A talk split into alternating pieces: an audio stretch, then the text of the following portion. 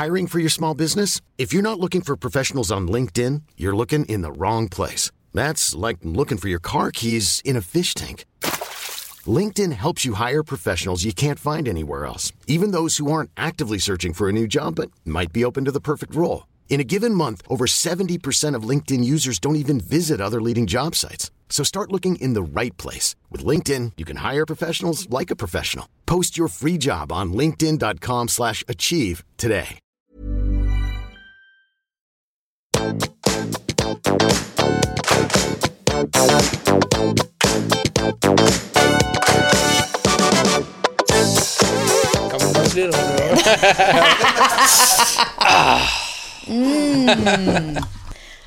Hallo, Alejandro. Her sitter vi. Du er med. Yes. Du, det her er jo helt rått. Det er eh, korona, men vi sitter på hotellrommet ditt med mm. god avstand. Det er viktig å si. Det gjør vi. Du kan ta bil, bil, kan bilde av det nå. Kirby sitter her og tar bilde. Så du ser det? Det er to meter avstand. Alejandro Fuentes, det er en glede og en ære å få lov til å ha deg med på podkasten. Tusen takk. Og nå skal jeg si deg en ting. Jeg blir aldri eh, nervøs eller stressa eller sånn starstruck. Det høres veldig rart ut. Um, fordi folk er jo folk, liksom. Mhm. Men samtidig nå så kjenner jeg faktisk at jeg har litt høy puls. Det trenger du ikke. Det går Ja, fint. hvorfor Som du sier, er- folk er folk. Ja, men eh, Jeg er jo bare menneskelig, jeg òg. Jeg ja. kjente akkurat det vi skulle begynne nå, så tenkte jeg sånn Å, herregud. Men så sitter jeg liksom og ser på deg. Du har vært så hyggelig og koselig med oss. Og, så jeg tror det skal bli en bra episode. Ja, jeg gleder meg. Det her er min andre podkast. Jeg har ikke gjort så mye podkaster før. Nei. Så det er min andre podkast. Men dette her er jo en gyllen mulighet for folk til å bli ordentlig kjent med deg. Ja. Um, vi skal både bli kjent med karrierereisen din, og det er jo ny musikk på gang, ikke minst. Det er i hvert fall spennende. Og så er det jo sånn at for alle lytterne så vet nok de fleste hvem du er. Og så er det kanskje ikke alle som vet det heller, for det er jo folk som lytter rundt om i hele verden.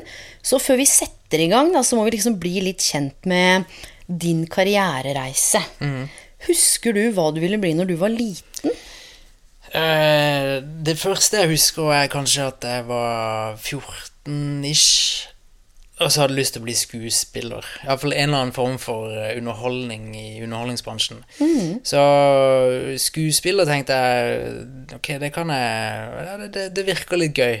Og så så kom Idol inn i TV-skjermen til det norske folk, og, og så begynte jeg å ja, La oss ta litt tilbake igjen. Det begynte med at jeg fikk ikke noen damer på skolen. Jeg var ikke flink i fotball eller noen ting. Så jeg tenkte faen, jeg jeg må finne en eller annen måte å få de damene på. Og så, bare, så kom Idol inn i bildet, da. Og så tenkte jeg, da var jeg så på Kurt og de som var med da de, de drar jo masse damer på musikk. Kanskje det er musikk jeg skal gjøre istedenfor skuespiller, da. Så jeg gikk hjem og lærte meg å spille gitar og Ja, For du synge. kunne ikke spille gitar Jeg har aldri hørt en gitar. Jeg spurte mamma kan du kjøpe meg en gitar. Den første gitaren var en sånn First Price Club-gitar. Og begynte å lære meg det her, og så plutselig begynte jeg å dra damer da, på skolen. Og så bare Shit, her funker som faen. Og da fortsetter jeg liksom den veien der i den karrieren. Skuespillerkarrieren la jeg vekk, for det, Ja, ja. det var ikke liksom Det var ikke noe å begynne der. Uh, Men hadde du sunget noe før du var 14? da? egentlig ikke. Jeg visste ikke at jeg hadde en For du, har- du har jo stemme, det, det vet Ja, du jo, altså, men men alle, alle har jo en stemme, men jeg visste ikke at min stemme var ikke bedre enn alle andre, men Nei, i hvert fall nei. en unik stemme som skiller seg ut. da Det, det hadde jeg liksom ikke tenkt på før Før jeg begynte å få tilbakemeldinger fra folk at faen, du er egentlig jævlig flink til å synge, du. Faen, altså. Wow. Og så du drar alle damer på det her, så bare ja, Kanskje det er det du skal gjøre, da. Og så kom jo Idol, øh, og så kom runde nummer Var det tredje sesong? Tredje sesong jeg var med på, i 2005. Eh, Hvor gammel sett- var du da? Da var jeg 16. ja. Da hadde jeg sett på det i to år, og så hatt en sånn Kanskje jeg skal melde meg på? Det er jo ikke noe annet som skjer i byen Kristiansand. Skolen er dritkjedelig, det er ikke noe for meg. Jeg var, jeg var litt der, den typen at Skolen var ikke noe for meg. Det, det må være en annen måte å gjøre ting på. Uh, og så meldte en kompis meg på, og så plutselig var vi der, da, i, i audition, og bare Ja, vær så god, Alejandro, nå skal du synge, hva skal du synge, hvem er du, bla, bla, bla. Jeg bare dritstressa og sjenert, og liksom Du har aldri gjort noe sånt før. Sånn som vi snakket om i stad, at hvis du åpner en dør, da går inn i en dør, så vet du aldri hva som er bak den døra. Og når jeg gikk inn den døra da, i den edition der, så hadde det liksom endra livet mitt totalt, tror jeg. Jeg vet ikke hvor det hadde vært hvis jeg ikke hadde tatt den avgjørelsen og blitt med på den auditionen der. Så det er liksom begynnelsen av karrieren, at jeg bare Fuck it, jeg blir med. Det er bare å kjøre på. Ja, for, for det her er jo veldig interessant, som du sa. Så at du, selv om du var stressa og kanskje litt nervøs, eller så åpna du den døra. Fordi det som er litt spennende, er jo at vi kan jo egentlig ikke planlegge så veldig mye i livet. Vi veit jo aldri hva som skjer, men vi stresser så innmari. Det er mange unge lyttere. Hva skal jeg velge, hva skal jeg bli, hva skal jeg gjøre? Og sannheten er at alle gjestene jeg har hatt på podkast nesten, har sagt at om det ikke var tilfeldigheter, så blei det ikke akkurat sånn som jeg trodde at det skulle bli. Og det som er litt fascinerende, er at de fleste vet jo, eller tenker kanskje sånn når de er kjempesmå at 'Å, jeg har lyst til å bli politi eller brannmann', eller Men du hadde på en måte ikke noe av de tankene. Det var bare Jeg jeg har fortsatt ikke den tanken Jeg vet ikke hva jeg skal bli. Jeg har aldri hatt den Jeg føler jeg fortsatt leiter etter min rolle her i verden som eh, enten artist eller underholdningsdude eller skuespiller. Jeg har ennå ikke funnet ut av det. Jeg har bare gjort det jeg føler er riktig hele tida, og det er fram til nå, så er det musikk. Så de som klarer å finne ut at jeg skal bli brannmann når jeg er 14, eller, mm. eller politimann, da God bless you, liksom. At, Ja, Så bra at du har funnet ditt kall så tidlig. Det er kjempebra. Da er du heldig som enten har hatt foreldre som har støtta deg riktig, og hatt noen forbilder sant, som du ser opp til. Det er ikke alle som har det, spesielt nå. Alle de fleste vokser opp uten fedre. Eh, Jeg er en av de, og da har du ikke det eh, in, Eller forbilde hvordan ting skal være, da. Og det gjør det vanskelig for folk. Uh, men hvis du finner ut av det tidlig, kjør på. Men for meg har jeg fortsatt ikke funnet ut av det. Jeg bare gjør det jeg føler er riktig. Ja, og dette her tror jeg er kanskje noe av nøkkelen til å knekke den karrierekoden som eh, Ikke sant, det er litt sånn Som mange sier, du skal være deg sjøl, og, og så kjenner du når det er riktig, men jeg tror at det, det at det er riktig for noen, er jo ikke så lett å sette ord på. Det kan bare være noe du kjenner. Sant? At når du gjør musikken din, så er det litt sånn eh, tid og rom står stille. At man, man kjenner på en måte at du gjør noe som er riktig og viktig for deg. Ja, ikke minst gøy. Ikke sant? Nettopp. Det er, det er nøkkelordet. Jeg, jeg prøver å gjøre ting hele tida som jeg syns er gøy. Hvis jeg ikke syns det er gøy, da gidder jeg ikke å gjøre det. Da er det liksom ikke noe point for meg hvis ikke jeg syns det er gøy. Og der tror jeg også du er inne på noe, for det er veldig mange som gjør ting som de ender opp med på et eller annet tidspunkt at de ikke syns er gøy, men så tør man ikke slutte. Man er redd for å endre kurs, man er redd for å hva skal jeg si, heise det hvite flagget, hva alle andre skal tenke om deg. Så akkurat det der å tørre også erkjenne at nå er det ikke riktig lenger. Altså noe er riktig til det ikke er riktig lenger. Ikke sant? Så hvis det som var riktig når du var 14 og ville bli brannmann, det er ikke riktig nå, kanskje, for det kanskje du har endra kurs i løpet av den tida. Du vet aldri. Men gjør det du syns er gøy der og da, og så gjør du det så godt du kan, da, og, og fullfør det iallfall. Og så lærer du noe ut av det. Ja, og det er det, fordi jeg har jo sagt mange ganger at karriere er jo et prosjekt. Jeg ser på karrieren og hele livet som et prosjekt. Ja. Nå har vi begge barn, nå er det prosjekt barneoppdragelse, og bikkje for din del. Prosjekt musikk, ikke sant. Vi har så mange prosjekter. Men jeg opplever at mange stresser mye med akkurat dette her med karriere og karrierevalg. Er det Også, unge folk da, eller du prater med, liksom? Eller er det Alt mulig. alt mulig? Jeg har jo snart jobba med over 20 000 mennesker mellom 17, 16 og et halvt og opp til 64 år. Ja. Vi har de samme fryktene. Redd for avslag, redd for ikke å være lykkes. Altså, vi er redd for mange av de samme tingene. Mm. Og så virker det som om alle andre er så himla vellykka. Alle andre skal også mene så mye om hva du skal gjøre. Så tenker jeg, vi er jo bare mennesker. Og nå kjenner jeg at jeg har fått rolig puls, fordi du er jo bare et menneske, du òg. Ja, men igjen, altså Du ser jo bare La, la oss ta Instagram, for, for eksempel. Du, du ser jo bare toppen av isberget der. Du ser jo bare highlighten av, av livet. Du legger jo ikke ut mandag morgen når du er deprimert og ikke har noen motivasjon. Du legger jo ikke ut det. Det er jo ingen som vil se det. Sant? Det, vi, vi legger bare ut det vi liker med oss selv. Uh, og det er ikke noe å være redd for, for vi er bare mennesker. Sant? Alle vi har våre flas. Og Hva er dine flaws, da? Nei, jeg er perfekt. Eh, mine, da, da må du spørre min kone. Da, da får du et bedre svar. Da får bedre svar, du får bedre svar, For hun vet akkurat hva mine flås er. Men eh, som jeg sjøl vet, er at eh, jeg kan være veldig gretten. Kan du det? Ja, veldig gretten. Gjennom hele dagen, eller bare på morgenen? jo, hvis jeg først fôrer den ulven der, oh, ja. da kan jeg være gretten hele dagen. Men da holder jeg meg hjemme helst. Ja, okay. helst. Hvis jeg vet at ok, det her er Tingen er at når du har spilt på en scene, og du har gitt så mye, og du våkner opp og er bare tom ikke sant? Du er bare helt tom, du har bare gitt så mye, da, og du skal være en perfekt far, perfekt mann, perfekt eh, menneske Det er ikke alltid det går, for du Det er det som er vanskelig med min bransje, at du, du gir så mye. Og så blir du egentlig tappa for energi, for det er, det er lys, og det er reising, og det er folk, og det er intervju, og det er ditt og datt. Jeg, jeg har blitt bedre gjennom årene, men jeg, det er de flåsene jeg har innimellom når jeg merker at Ok, det her er for mye akkurat nå. Jeg må ta tid til meg sjøl. Jeg må hente meg sjøl inn. Og det gjør du. altså Du har kommet dit nå hvor du har den innsikten og bevisstheten, Ja. hvor du faktisk kjenner det. Kontra kanskje det før, når man var yngre, så bare kjørte man på. Vanskelig ja, ja. for å si nei. Fordi du nevnte to ting som jeg har lyst til å ta opp. Og det ene, du var, var veldig kort innom det, men dette med forbilder, for det var også en Mm. ting jeg lurte på. Og vi har jo ikke noe manus, jeg kommer til å bare fyre ut spørsmål, og så Mm. svarer du på det du ønsker. Men hadde du Eller hvem var rollemodellen din, eller forbildene dine? For du sa det at du vokste opp uten far. Altså, pappa og mamma skilte seg da jeg var syv. Ja. Så fram til da og Frem til da så jobba han jo egentlig, han var aldri hjemme. Og så stakk han da han var syv. Og i etterkant nå så har jeg alltid leita etter mannlige forbilder. Eh, fordi jeg, fordi jeg, jeg har aldri hatt det egentlig i bar barneoppdragelsen min. Han var der i helger og sånt, men, men han var ikke der når the shit hits the fan. Ikke sant? Mandag morgen, tirsdag. Det var bare kun i helger. Og vi har et godt forhold nå. Vi har tatt opp igjen alt det der nå. Men, men eh, der og da så har det mye å si hvem du ser opp til. Og helt siden jeg var liten, så har jeg alltid eh, kommet veldig godt overens med folk jeg ser opp til. Og, og det er jo et privilegium at de fleste jeg har sett opp til gjennom mitt liv, er folk jeg har møtt etterpå. Ikke Oi. sant? Og det er litt kult, da, for liksom for, for eksempel Kurt, da, han var en av de første. Eh, jeg så på han i to-tre år på Idol, og så meldte han meg på, og så plutselig så er han på samme hotell som deg, vi begynner å prate. Og så plutselig er vi på turné sammen, og der kommer fra meg Espen Lind inn i tillegg, og så Askild Holm, hvis jeg glemmer. var. Eh, men vi ble kjent der og da, og så plutselig etter det så har det bare kommet inn folk i livet ditt som du har sett opp til, uh, og bare blir venner med dem på, en eller annen- på, på en eller annen merkelig måte.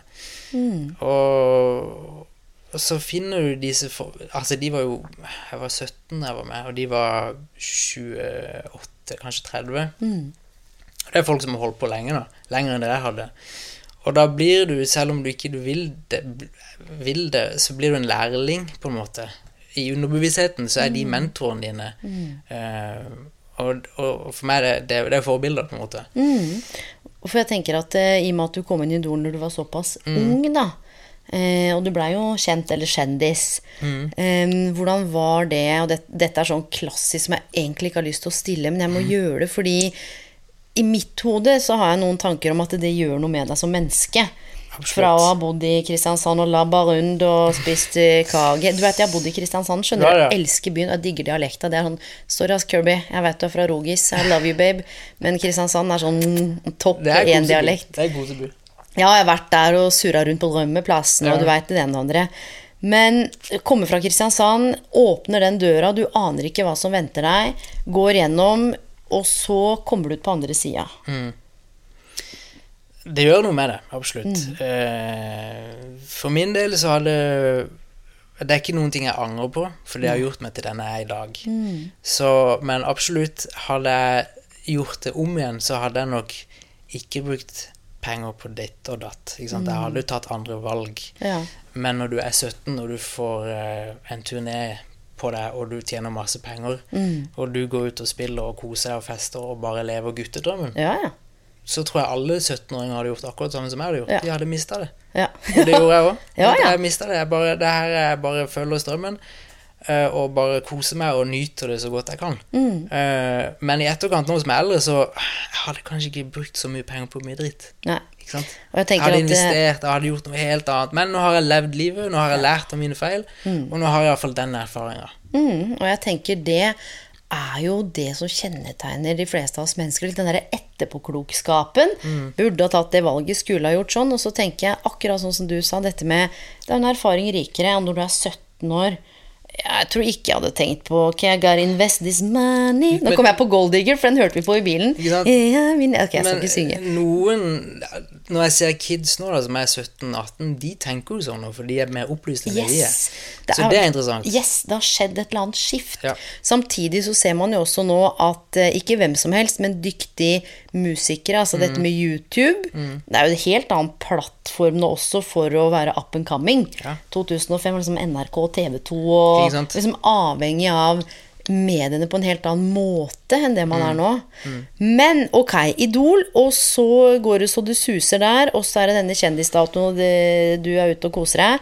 Og så havner du da på denne turneen. Skjer det rett etterpå med Ja, det gitarkameratene? er to, to år et, to, ett år etterpå Idol, 2005-2006, så Ja. går vi ut på turné. Vi er i samme management som uh, meg og Kurt og Espen Lind og Askild Holm eh, under Jan Fredrik Karlsen. Ja. Samme management. Vi uh, Nei, sånn var det. Vi, vi er i studio og spiller inn uh, Sail Away.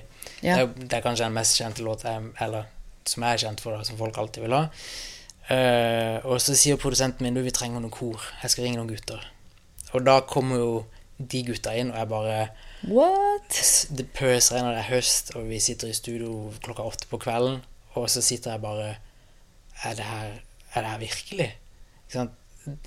Kom akkurat de her inn og bare la på vokal, og bare Det låter helt insane, ikke sant? Og så bare Det her kan ikke være virkelig, liksom. Det, det, men ok, greit. Hva faen er det som skjer? Du er med. Jeg er med. ikke? Ok, greit. Og så launcher vi den, og det funker som faen, og Sail Away blir en hit. Og, og, og så har vi en eventjobb hvor vi skal oss fire spille sammen, og da går vi gjennom et par låter, vi tar noen av våre egne, og så tar vi opp Halleluja, da. Og, og så Etter vi har spilt den gjennom én gang, så sitter alle bare sånn det, Var det bare meg, eller var det noe Det skjedde noe her, ikke sant? Ja, det er jævlig fint, liksom. Og Jan Fredrik bare Du ser det, pengene, liksom. det stråler opp. Det her er jævlig fint. Så vi booker en turné, og det er ingenting som selger, og vi bare ja, Men ja, ingenting men som solgte? Ingenting som solgte. Og så, og så går vi på Skavlan da og gjør Halleluja, vår versjon. Og etter det så bare Da smalt Alt var utsolgt, vi satte opp turné, og det bare tok helt av. Og det var jo egentlig en av de første norske YouTube-hitsene fra Norge. da Vi har jo 60 millioner views eller noe. Det er en av de første, men det var jo den tida da ikke det var svært at Ja, det ja. skjedde. Men hadde det skjedd nå, så hadde jo folk hadde jo klikka. Så wow. vi, det var oss, og så var det ah, Hva heter de gutta? Uh, Ylvis, tror jeg. Ja. Uh, det var liksom de to videoene på en måte som tok av fra Norge Wow. i den perioden. der Men fikk dere noen forespørsler fra utlandet? Uh, nei, for vi var liksom, det her var begynnelsen Ja, av ja, den ja. perioden der, og så kom Ylvis, og da tok det av. Ja. uh, eh, så vi var liksom aldri noe i utlandet og gjorde noe promo på det. Vi kunne jo sikkert absolutt gjort det. Men, men vi valgte å ta Norge og reise rundt og spille og kose oss der. Mm.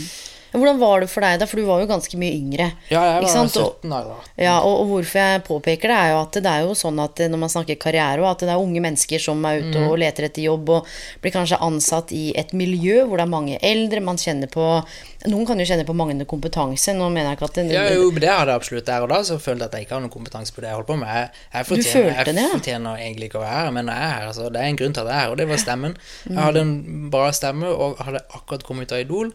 Jeg kunne ikke spille gitar ordentlig i forhold til de andre, så jeg måtte lære meg det òg. Men, men du tar eh, initiativ sjøl til å Ok, hvis jeg skal være med på det her, så skal jeg iallfall fake det. For jeg kan faen ikke spille sånn som Espen eller Kurt ennå. Så okay. Men du lærte altså, du, Jeg lærte meg underveis, men, men det var mange ganger på konsertene hvor jeg bare muta gitaren, og så bare lata som jeg spilte. Er det sant? Jeg husker jo ikke låter, jeg husker ikke hva. jeg bare bare muta den, og så bare lata Merka gutta det? Ja, ja, de visste jo det. Ja, ja. Men det var liksom ok? Det var ok. det var ok Du Ja. gjorde en jobb på en annen måte. At du var en performer på den måten Mm. og gjorde det, det du kunne. på en måte Men uh, jeg hadde ikke øvd alltid nok. Det hadde jeg ikke Og, og da fikk jeg pes for det. Nei, faen, Kurt fortsatte i fjor. Du, må, du, må, du, du kan ikke bruke capo, liksom. Du må, du må lære deg det forbanna grepet. Ja, ja, men til og med i dag så kan jeg fake det. Hva? For jeg finner min måte å gjøre det på. Ikke sant? Alle har sine måter å Ja, spille men, på. men det er akkurat det, da. Og igjen så er jo dette så overførbart, fordi og det er to ting. Det ene er dette med å ta initiativ. Mange sitter og venter på å bli plukka de, Mm. til drømmejobben eller en eller annen jobb, og så tenker jeg det skjer jo ingenting hvis man ikke handler. Nei, ikke sant? det og du åpna den døra, du ble meldt på, du valgte. Det var jo ikke noe Ja, kanskje det var tilfeldig, ikke sant, bla, bla, bla, men du valgte jo faktisk å stå på den audition, og du valgte jo å takke ja til å være med på den turneen, ikke sant, så det er jo Livet koker jo ned til én ting, og det er jo valg. Ja. Men det er også litt kult å høre at det du sier nå, for jeg tror, og mange av de jeg har møtt i, i veiledning, karriereveiledning generelt, det er man veit ikke helt hva man driver med, men man veit det. Så har man noen erfaring eller kunnskaper eller noen kompetanse om et eller annet, så, så man, man, man bullshitter seg litt gjennom det. Ja. Men det funker. Ja. Skjønner du? Men det, det der visste jeg ikke. det, jo, det, altså, det, det gjør det. Men du, du finner din måte å gjøre det på. Det er det, det, er det det handler om. At, eh, sånn som i fjor, så fant jeg min måte. Det var én låt som Kurt bare Kan du ikke Ok, i, i løpet av turneen så må du lære deg det grepet der. Ja, ja, jeg skal gjøre det. jeg skal gjøre det. Helt til slutten, den siste konserten, så bare snur jeg meg og viser han. Sånn, jeg, dro- jeg droppa gapet da. Det tok meg 30 konserter for å gjøre det. Men det, det virker jo som om de også, eller gutta, kaller det gutta Altså, du, du fikk jo plass og rom til å være der sjøl. Ja, det gjør vi absolutt. Og det tror jeg er litt av nøkkelen, dette med eh, Nå aner ikke jeg hva slags oppfatning Norge har om deg, og det tenker jeg det er egentlig ikke så viktig, det. Nei, det, det, det har jeg lært meg nå i senere alder, uansett hva Du skal ikke bry deg om hva folk mener om det. Da, da Men hvorfor gjør vi det allikevel? I hvert fall når vi er yngre, da, til en viss grad, så er det så mange som skal mene så mye. Hva, hva, er, det, hva er det som er det skiftet for deg fra kanskje hvor du var litt yngre, og jeg er sikker på folk skulle mene hvor jeg, du var? tror, Og... jeg tror alle vi vil bli likt, ikke sant? Det er jo det som er greia, at alle vil, vi, vi vil tilfredsstille alle. Men det kommer et punkt i livet hvor du bare orker ikke det lenger. De Hvordan, som hvordan liker meg merker man det, da? Jeg vet ikke hvordan jeg merker det, men ehm, Kanskje etter jeg fikk barn, så merka jeg det mer at det liksom Bare vær deg sjøl, liksom. Noen liker deg, noen liker deg ikke. Men jeg har ikke tid hvis, hvis jeg har en person her nå som ikke liker meg, og han har aldri møtt meg, og vi har en samtale i løpet av en time I løpet av en time så vil den personen like det. Men jeg gidder ikke å bruke tid på å overbevise noen om å like det. Sant? Det, det, er, det er ikke noe point for meg, det. Du, du har ditt eget liv, lev, lev ditt eget liv, og så fuck it. Bare lær å gi faen, da. Det er ikke noe vits å tenke på sånne ting. Nei, for jeg tror veldig mange bruker innmari mye tid oppi sitt eget hode på å tenke på hva alle andre tenker og Ja, mener. altså, alle vi er såpass egoister at jeg tenker mer hva du tenker om meg, enn mm. motsatt. Ikke sant? Så Og det tar så mye energi, og det er det, ikke sant. En ting er når man er ung, og nå Jeg blir jo 38 nå, og du er jo ikke eh, ung lenger, men du er jo ikke gammel heller. Men, men det kommer jo til et eller annet punkt hvor For det første så er det jo ditt liv, og, og Ja, avgjørelser. Og jo eldre du blir, jo mer gir du faen òg. Mm. Men uh, for meg så er 30 Det er ikke gammelt. Nei, nei, nei. Hvor, hvorfor, eh, hvorfor, hvorfor har vi liksom tenkt at 30 da er du gammel? Liksom, det er jo ikke det i det hele men det er det folk stresser, da. Litt sånn som vi snakka om, at man må lande karrieren sin, og man må, eh, man må forte seg seg innmari. akkurat Som det er et sprint. Og litt sånn tilbake til det du sa. Det ene var liksom med eh, forbilder i forhold til faren din og rollemodeller, og det andre du nevnte i stad, det var litt sånn Du vet fortsatt ikke helt egentlig hva du driver med. Og det kan jeg kjenne meg igjen i som karriereveileder. Jeg vet, ikke helt hva jeg gjør, jeg. Jeg liker forskjellige ting, setter det sammen, og så får jeg se litt hva som skjer. Ja.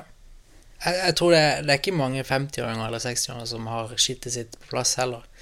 Det, det, jeg har ikke møtt noen av dem, iallfall. Jeg tror ikke det er noen som har skittet sitt på plass. jeg. alle har noe greier som de sliter med ennå, Mm. eller som de prøver å bli bedre i. Og, Mm. og, og jo, mer, jo eldre jeg blir, jo så vil jeg utfordre meg. selv. det er alltid noe jeg ikke føler jeg er flink i, for jeg vil utfordre meg sjøl. Jeg vil Mm. vokse. Jeg vil alltid være dårlig på noe, fordi Mm. jeg har lyst til å vokse som menneske. Ja, jeg har takla disse tingene fint, men nå er jeg et Mm. nytt sted i livet hvor jeg har lyst til å takle det. Akkurat nå er det å være far. Jeg jeg er ikke verdens beste far, men jeg gjør så godt jeg kan. Uh, og jeg lærer underveis, ikke sant. Mm. jeg, jeg tror ikke det fins en oppskrift på det, eller hvordan du skal være verdens beste far. Definitivt ikke, og jeg tror ikke det eksisterer heller. Og, og det er litt det som jeg er inne på i forhold til alle disse kravene, fordi etter da eh, Idol-biten og turneen, så Hvor lenge var dere på turné, da? Hvor mange år? Altså, Eh, vi, er vi det holdt på fra 2006 til 2009, tre år.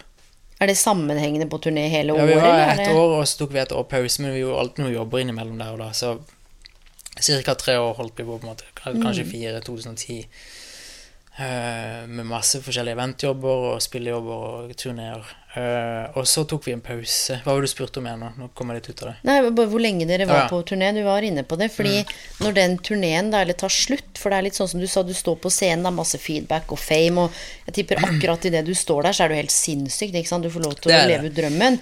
Men så er det det som skjer etterpå, og når man da har vært på turné såpass lenge, da. Mm. Hva skjer på en måte når, når det stilner da i 2010? Det, det, det var noe alle vi følte på at det her var ikke gøy lenger. Nå, okay. ble, nå ble det jobb. Nå er det kun for penger, kun for jobbing. Mm. Det er ikke like gøy lenger. Alle, alle i bandet merker det, alle artister Ja. merker det. Det her er ikke gøy lenger. Det var en av de siste jobbene vi gjorde, og så tenkte vi det her gjør vi ikke igjen. Oi. Og det tok jo ti år før vi gjorde det igjen. For vi, vi gjorde det såpass mye at det var ikke gøy lenger. Det er som alt annet òg, når du Hvis du gjør noe det ikke er noe gøy lenger, Mm. Og, det, og på et eller annet tidspunkt så vil jo det kanskje synes det, ble, også. det synes vi blir gjennomskua. Så vi ga oss heller på topp at ok, nå det, Hvis vi fortsetter litt til nå, så er det ikke gøy lenger. Da kommer vi til å få dårlig stemning mellom hverandre, vi kommer til å krangle dit og datt, og da er det ikke noe gøy lenger. La oss heller gi oss på topp, og det gjorde vi. Og så tok det ti år. 2019 eh, Ja, det var 2009. Eh, 2019 så gikk vi ut igjen og spilte, og, og, og det er den det, det er den beste turneen vi har hatt ever. Både musikalsk, kjemien mellom oss, Mm. alt sammen. Jeg husker, jeg husker all, nesten alle konsertene vi gjorde i fjor. Wow. Uh, jeg husker ingen av de vi gjorde for Ah. mange år siden, for da var du bare med. Men nå setter du pris på det. Du, du har blitt Mm. eldre. Du, du, du får lov til å spille Sail Away. Du får lov til Mm. å synge med disse guttene. Du setter mer pris på det. Og hadde vi gjort det igjen nå, så hadde vi fått samme opplegg, tror jeg. Fordi vi, vi er eldre. Vi, det I hvert fall nå pga. korona, at vi får lov til å spille. Skulle det skje igjen nå, så hadde vi eh, satt enda mer pris på det. Mm. For det er noe det er noe helt eget å stå der og spille for folk, og folk synger tilbake igjen, og du lager bare god stemning og, og høyner den energien og frekvensen på folk. Det, det er noe Du kan ikke beskrive det. Nei. Det gjør noe med deg som person. det jeg har lært, er at hvis du opplever euforia, da, som jeg har gjort en del ganger nå, så kommer du også til å oppleve helvete. For det den Fra å være her oppe til å komme hjem mandag morgen hvor ingen står og heier på deg, du skal skifte bleier, du skal gjøre ditt og datt Ja, men jeg var jo nettopp en rockestjerne. Ikke sant? Det, den, den, den der er tøff innimellom for egoet å svelge at Ok, greit, det var da. Nå er jeg her. Legg det vekk. Begynn på nytt. Men der tror jeg du sa noe, fordi Og det er jo kanskje mer vanlig, type typ i din bransje, eller folk som eh, performer eller jobber med det de gjør. For mange går jo på jobb, gjør jobben sin og går hjem. Det er sånn at du leverer rapporten, ingen, du får ikke noe sånn psyko-applaus, eller folk står og roper navnet ditt. Så jeg tror det du beskriver, at som folk kanskje ikke går og tenker over, for man ser jo bare kanskje de glimtene da, av deg på turné som ikke er hverdagen, hvor, hvor det er høyt, og det er energi og stemning, men så lever jo du også i en hverdag på lik linje Ja. med alle andre, med de samme tankene og følelsene og frustrasjonene. Og det, det er også så viktig å få fram sånn som du beskriver, fordi det er jo kjempeforskjell mellom å stå på scenen, og så er det helt stille, og så er det bleieskift og litt grining og kaos med mat og barnehage og mm. hele den pakka der. Og så skal man jo håndtere den siden også. Det er jo to helt forskjellige verdener. Absolutt. Og det er jo ikke Mange har ikke mulighet til å oppleve det, tenker jeg, de vanlige jobbhverdagene. Og det er kanskje ikke noe man tenker så ofte på, for det må man jo lære seg å håndtere. Det er absolutt, og jeg tror jo flinkere du er på å håndtere tøffe opplegg, sånn som å være med på en turné, det krever jækla mye jobb, det krever mye fokus, det krever mye disiplin. Jo flinkere du er til å gjøre tøffe ting, da, vanskelige ting, jo lettere er det å gjøre de andre tingene òg. Mm. Er nå, nå jobber jeg som trener i tillegg òg, Ja. og, og det er jo en mentalitet at uh, hvis jeg gjør en tøff økt, så er alle de andre øktene lette. For du har allerede uh, lært den mentale kapasiteten til at du kan gå så langt, og du kan til og med gå lenger. Men Hvis du har gjort det en gang før, så virker det her som ingenting. Men det her er interessant, fordi da når den turneen er, er ferdig da, i 2009-2010, hva, hva gjør du liksom da? Nei, da, da i 2010 så var vi ferdig med den turneen, alle var litt lei, det var ikke noe gøy. Ehm, jeg var eh, Det var nok et tungt år, 2010-2011, hvor jeg ikke var liksom på villspor, visste ikke helt hva jeg skulle gjøre. I tillegg så hadde jeg krasja en båt som hadde kjøpt for masse penger og fått masse tyn for det i 2007. Mediene, eller? Ja, og, og da ikke sant, Når du kommer hjem etter å ha vært på turné, og du har hatt alt det her på deg, og du, alle vet hvem du er i byen, og du blir pekt på og gjort narr av. Ikke sant? Det gjør noe med deg. Du, du er bare hva kan man være, 19-20, kanskje. Det gjør noe med selvtilliten din, og, og det var da jeg begynte å, å gå inn i meg sjøl Ja. og jobbe med å fikse meg sjøl, da. Med, etter alt jeg hadde opplevd på de fem årene der. Det var mye ting jeg måtte eh, ta tak i mentalt. Selvsikkerhet. Egentlig alt. Alt det arbeidet innover spirituelt. Alt, alt det der måtte jeg jobbe med. Eh, Og det gjør jeg fortsatt til den dag i dag. Men 2010 så begynte jeg med det arbeidet, prosjekt Alejandro. Hvordan har du lyst til å være som menneske? Sant? Hvordan har du lyst til å være? Eh, Men snakka du med noen? Nei. Søkte du råd noe Og nå snakker jeg ikke vi ble tilbudt psykologhjelp på Idol-greiene, og jeg takka nei, for jeg følte ikke jeg trengte det. Nei, men sånn, var det noen venner, eller var det noen du på en måte kjente at Fordi jeg pleier å si sånn at alle bærer jo på noe, ikke sant, og det Ja. vet vi jo. Men det er ikke alle som fortjener å høre historien din. At, at man må være litt selektiv også, kanskje i, i nærkrets. man. Hvem man deler med. For det er noen som sikkert syns det er kult å være med deg fordi ikke sant, det er turné og kult og alt det greiene der. Og så er det noen som virkelig er med deg bare fordi du er deg. Uavhengig av alt det glam and glitter. Det, liksom, det betyr ikke noe. Og det er da min kone, da. Det er der hun kom inn i bildet. At vi, vi var sammen fra 2007 Ja. til nå. Og, og hun har alltid vært der både høyt og lavt. Ja, ikke sant? ok. Og det er de, de personene som er der når du har det kjipt, det er de jeg har lyst til å ha med videre i livet. Mm. Uh, og det er jo en ting man lærer, fordi du plutselig er det masse venner rundt deg, og, når- og, og når du plutselig er stille Det er som, det er som å få barn, da. Når, jeg fikk barn, når vi fikk barn, det er da du ser hvem dine egentlige venner er. Hvem er det som kommer på besøk? Hvem er det som faktisk bryr seg om det? Samme greie med turneen nå, at liksom når turneen er over og alt er stille, hvem er det som tar kontakt med deg? Hvem er det som vil henge med deg? De tingene begynner du å innse, og det er egentlig min kone jeg har hatt ved siden av meg hele tida, som har vært liksom den jeg har dessverre spydd på mye. ikke? Hun har fått alt dritet. Eh, for det er bare her hjemme jeg kan gjøre det. Ja, ja, men jeg tenker at det, det er jo en fin ting at man kan bære hverandres, Ja. hverandres utfordringer. Sant? Og selv om det kan kjennes mye at det går kanskje bare én vei i perioder, så har jeg lyst til å si en ting. Fordi noen ganger det å slippe folk inn, eller å la folk få lov til å hjelpe deg, det er en gave. Og hvis man kanskje ikke hadde spydd ut hjemme, så hadde du kanskje fratatt henne den muligheten til å se alle sidene av deg, da. Og alle fasettene. Ja. Sant? For det tenker jeg ofte «Ah, Folk er redd for å be om hjelp. Og, ikke har vi ikke vært i bry, så tenker jeg, Men noen ganger så tar man ifra folk muligheten til å hjelpe. Fordi man ikke har vært i bry, som egentlig er en gave. Så sånn sett vil man jo kanskje også få en mye dypere connection. ikke sant? Og kjenne hverandre på alle mulige plan. Um, Men så sa du også noe annet. Vi skal innom dette med trening. Fordi det mange ikke vet, eller det noen vet, men ikke mange, er jo at du har jo også utdanna deg til personlig trener oppi Ja. alt dette her.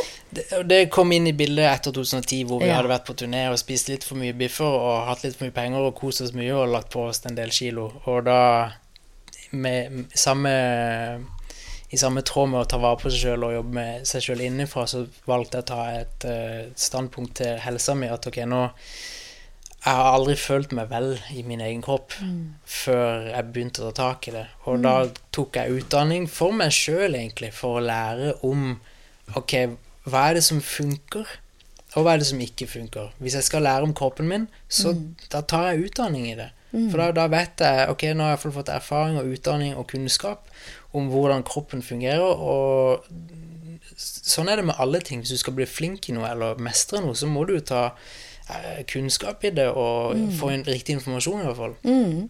Og så tenker jeg at det er jo en sånn synergieffekt. For noen sier til meg om jeg tok den utdanninga, det var bortkasta, jeg jobba i butikk, det var bortkasta. Så tenker jeg sånn fra et medmenneskelig perspektiv og fra et karriereveiledningsperspektiv, så er det ingenting som noen gang er bortkasta.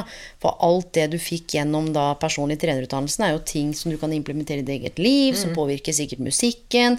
Spiser du bedre, sover du bedre, har du bedre, så gir jo det energi. Ikke sant? Alt henger jo sammen med alt. Det er det jeg tror mange ikke ser bestandig når man skal liksom connecte dots. Da, at det, For det er jo litt sånn eh, musikkarriere, og så plutselig personlig trener. Og så valgte du å jobbe som det også, eller har Ja, jeg, valgte å jobbe som det, for jeg var litt usikker på om jeg skulle holde på med musikk i det hele tatt.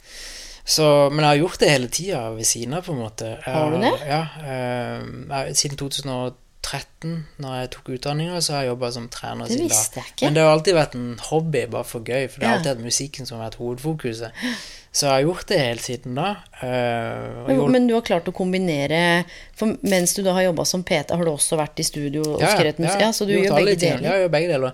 Jeg liker ha Jeg liker å være min egen sjef og bestemme over min egen tid. Amen. Og liksom finne de jobbene hvor du kan bestemme sjøl hvordan du vil sette opp dagen din, da. Mm. Ikke sant? Og da er begge de to jobbene egentlig perfekte i det. Mm. Uh, nå har det blitt en endring, da, at liksom eh, av korona, så framtida akkurat nå ser ut som at PT-jobben blir fulltidsjobben, egentlig. Og så blir det å være artist hobbyen fremover i tid nå. Ja. Ja, fordi det ser ut som det ser ut at det, det Ja. nå, vet, nå vet jeg ikke, det kan snus om et halvt år. Og sånn, og sånn kan det jo kanskje være at det blir i en periode. Men da har du i hvert fall noen, noen bein å, å stå på der. Da. For Ja, ja. jeg tenker, Men er det noe du tenker at du kan ta med deg fra musikken og det du har hatt gjennom artistkarrieren, inn i jobben som PT, f.eks.? Uh, ja, altså det er jo litt samme greie. Jeg tror at du, du må krige litt uansett. Mm. Du må opp og fram uansett. Iallfall hvis jeg skal bli eh, en, la oss si, en av Norges beste Peter. Da må du iallfall opp og fram og fighte, for det er ganske mange flinke her ute nå som Mm. kan mye og er flinkere enn det du er. Men uh, nå har jeg ikke et mål om å bli det heller, egentlig. Jeg vil bare bidra lokalt Mm. til det jeg kan bidra med. Og så lage min egen verden, hvordan, sånn at jeg kan jobbe sånn som jeg vil. Ingen som bestemmer når du må jobbe. Jeg setter opp kunder når jeg vil sette opp kunder. Jeg vil ha så og så mange kunder, jeg vil tjene så og så mye. Og så gjør jeg musikken ved siden av, og så gjør jeg det når jeg gjør det. Og så Jeg vil bare bestemme litt sjøl hvordan jeg skal jobbe, da. Ja, men det tenker jeg er en viktig driver også, for jeg tror Det er frihet. Det er, Ja, det. det er det jeg jobber for. Og nå skal jeg si deg noe som er litt rart, fordi det tror jeg alle gjør. Ja, og så vet du jo, ikke sant, vi har jo verdier, og verdier er med på å styre beslutningene våre, hvordan vi tenker, ubevisst.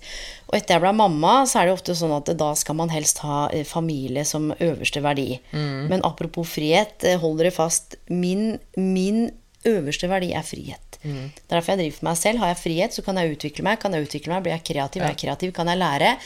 Da blir jeg en god samboer. Da blir jeg en god mamma. Men hvis alt skulle bare dreid seg om familie, så hadde jeg mista de andre aspektene av meg selv. Så jeg tror for de som lytter òg, og begynner å tenke er det trygghet som er viktig for meg, er det penger, er det suksess Altså, hva er det som er viktig for meg? For nå er det jo sånn at nå må vi jo faktisk innom at du er jo i gang med ny musikk. Ja. Og planen bak den, den nye musikken, altså det er et julealbum og julemusikk, er jo det at det er ikke et helt årsprosjekt. Det er en tomånedersprosjekt. Du er ute og spiller november og desember en gang i året. Og da betyr det at da kan du gjøre det i november og desember, og så kan du gjøre alt mulig annet etterpå.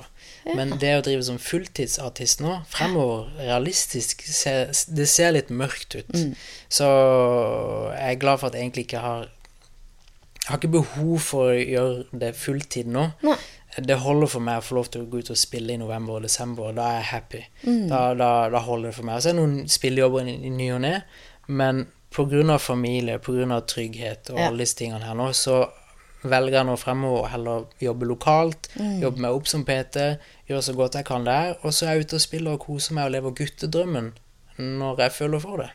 Og skulle vi ut på en turné igjen, ja, da blir jeg med på det òg. Ja. Men du bestemmer alt det her sjøl. De fleste kundene forstår at du skal ut og spille, for du Ja, har en jobb der òg. Ja, og det er litt interessant for de kundene du har, eller hvordan For du jobber jo antageligvis på et treningssenter. Det er CrossFit-senter, ja. Hvordan, ja, eller hvordan opplevde du å starte der? Altså, kjenner du noe på det sjøl? At uh, du har vært famous, eller at, at det er et hinder? Er det noe du har Det en, bevisst? det er en fordel og en ulempe, fordi folk er liksom Noen kan bli starstruck, og noen blir litt redde for deg, og, sant, fordi du du er den du er, og noen tenker ikke over det før etterpå. liksom, Hva faen er han, ja? ikke sant? Er det, Ja, ja. det- var noe med han karen Ja, ja, hvem, hvem ja, det er, han, ja, ok. Det så jeg ikke. For det har jo skjedd mye endringer siden. Da jeg Ja, meg. Ehm, men jeg må bruke det til fordel av å, å, å bruke den jeg er Mm. i den sammenhengen, så må jeg bare bruke til min fordel at ok, når du kommer inn her og skal trene med meg, så du har en fordom hvordan jeg skal være, men det er gøy å vise at han er egentlig ikke sånn. Han er en helt annen type enn det jeg trodde. Og, og jeg liker å overraske, da. Um, og det var, det var sånn meg og Espen ble kjent. da mm. Han fortalte tidligere at uh, Espen som driver AFPT, da at uh, Han hadde en fordom mot meg når jeg kom inn i kullet sitt, og bare Det her, nå kommer det inn en cocky artist, og liksom Og så bare mm, Jeg var den første som gikk hen og håndhilste, fordi jeg har lært meg å liksom ha manerer og hilse på folk. Og Det, og så ble han litt sånn satt ut. Og så ble vi kjent etterpå, så, så ble vi egentlig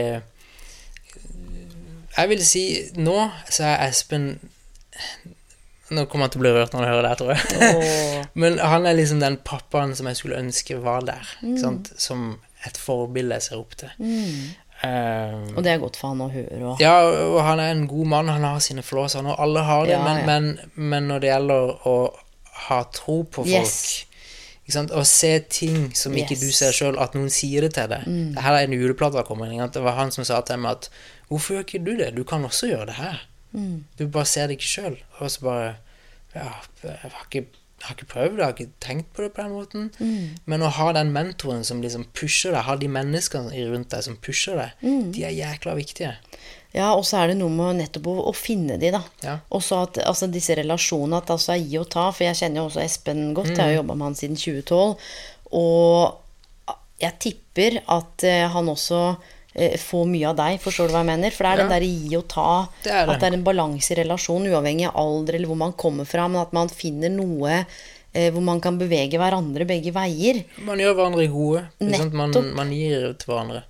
Men så nå da har du sluppet julet Fortell. Den, den kommer da i morgen, 27. november. Kommer den i morgen?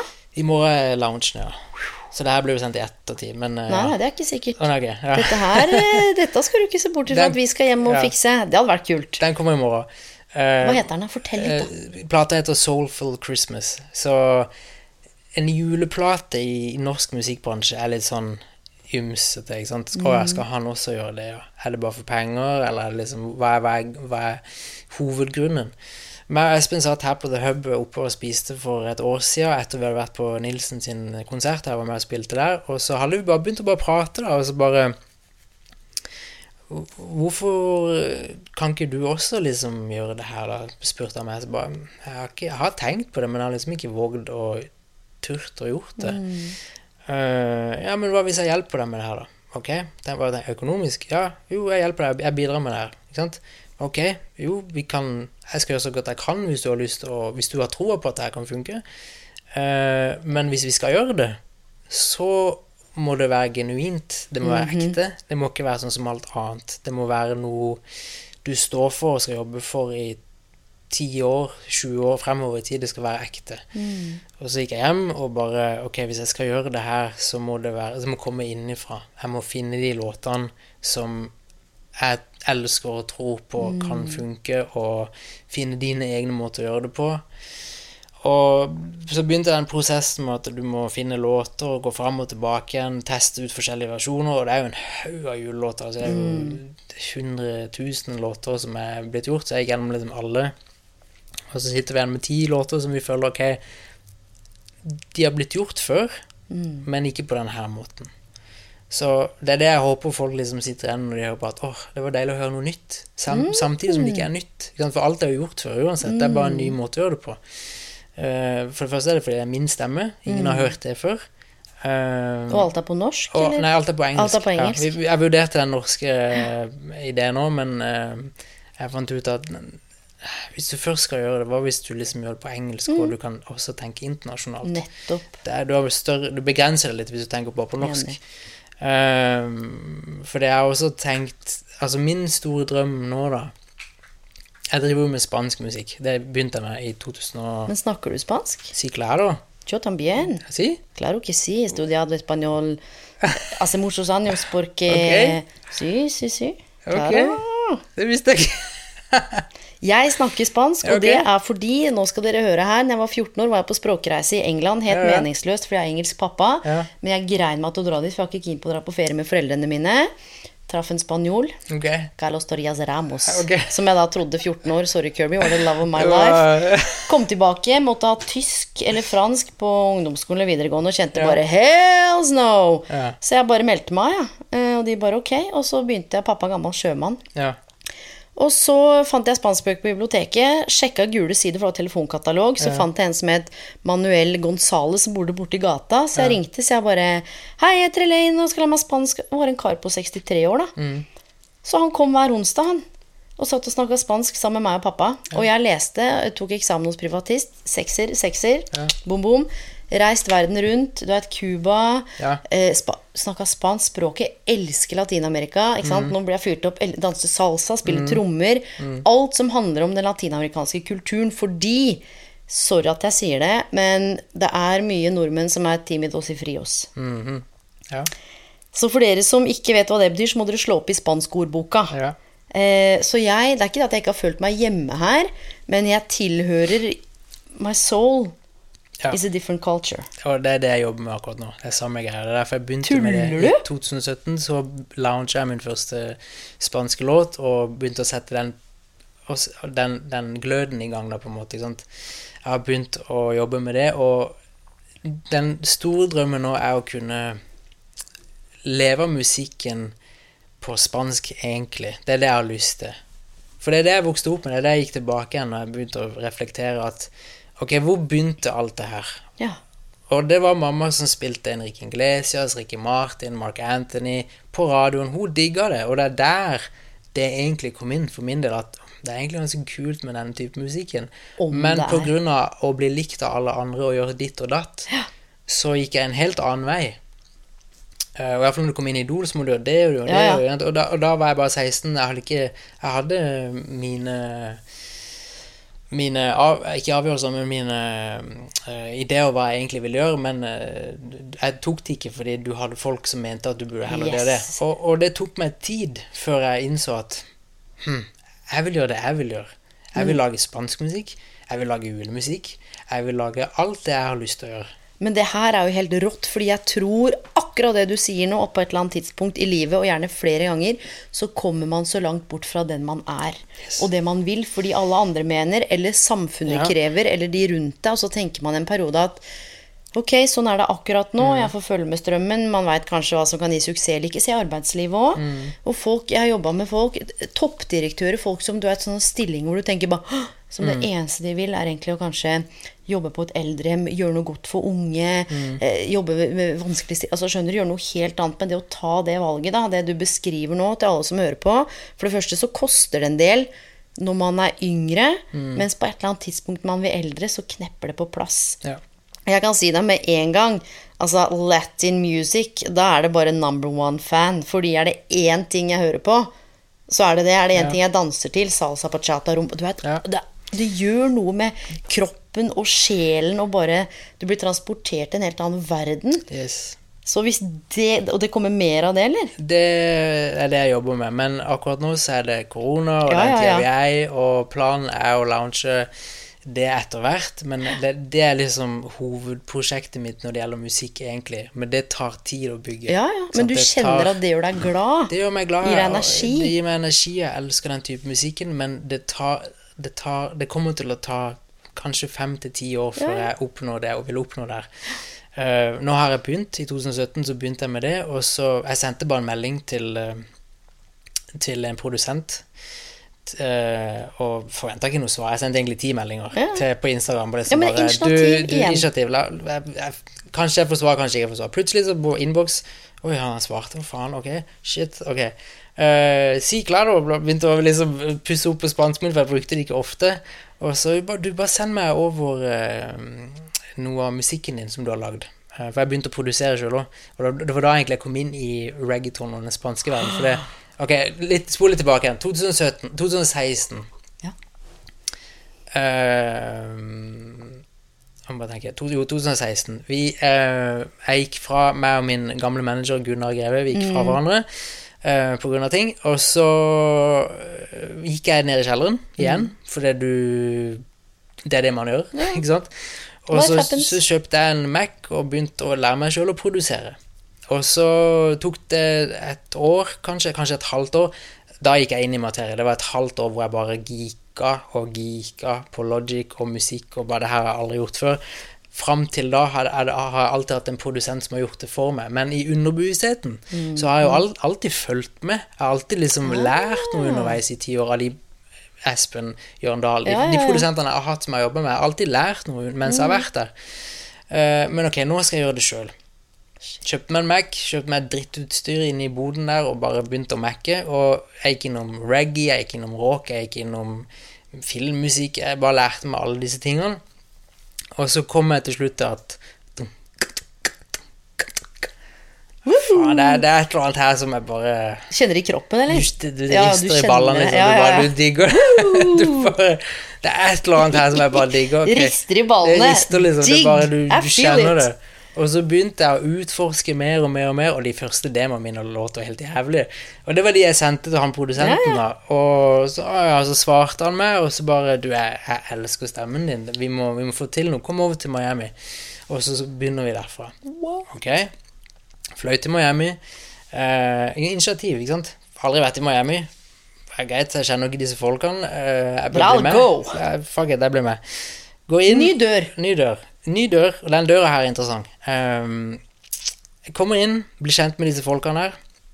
Og jo mer jeg blir kjent med disse folkene her, jo mer innser jeg at den her døra jeg har gått inn, er en jævlig svær dør. Ikke sant? De produsentene som jeg jobber med nå, er produsenter til Mark Anthony, J.Lo, alle de største latinske artistene jobber de med. Okay. Så jeg har fått inn en fot i den bransjen der nå. Det tar tid å komme helt inn der. Ja, ja. men jeg har fått foten inn med folk som jobber med disse her daglig. Og som virkelig kjenner sjangeren Kjenner og sjangerne. Ja, yes. For det er det de sa, hvis du skal gjøre det her, så må du komme over her og gjøre det skikkelig. Du kan ikke gjøre det i Norge, du må gjøre det skikkelig. Det tar noen år å bygge opp, men It's du gonna be worth it. ja, det, det, vil, det vil ta tid, men, Ja, men du, du, for, for det første bor du i Norge, og det er det kjipe. Ulempe. Men du må bruke det som fordel. Hvis du kan jobbe i Norge, Mm. og fram og tilbake igjen reise litt, og, og bygge det her over tid, så du må bygge det fra Norge. Mm. Så, så kan det funke.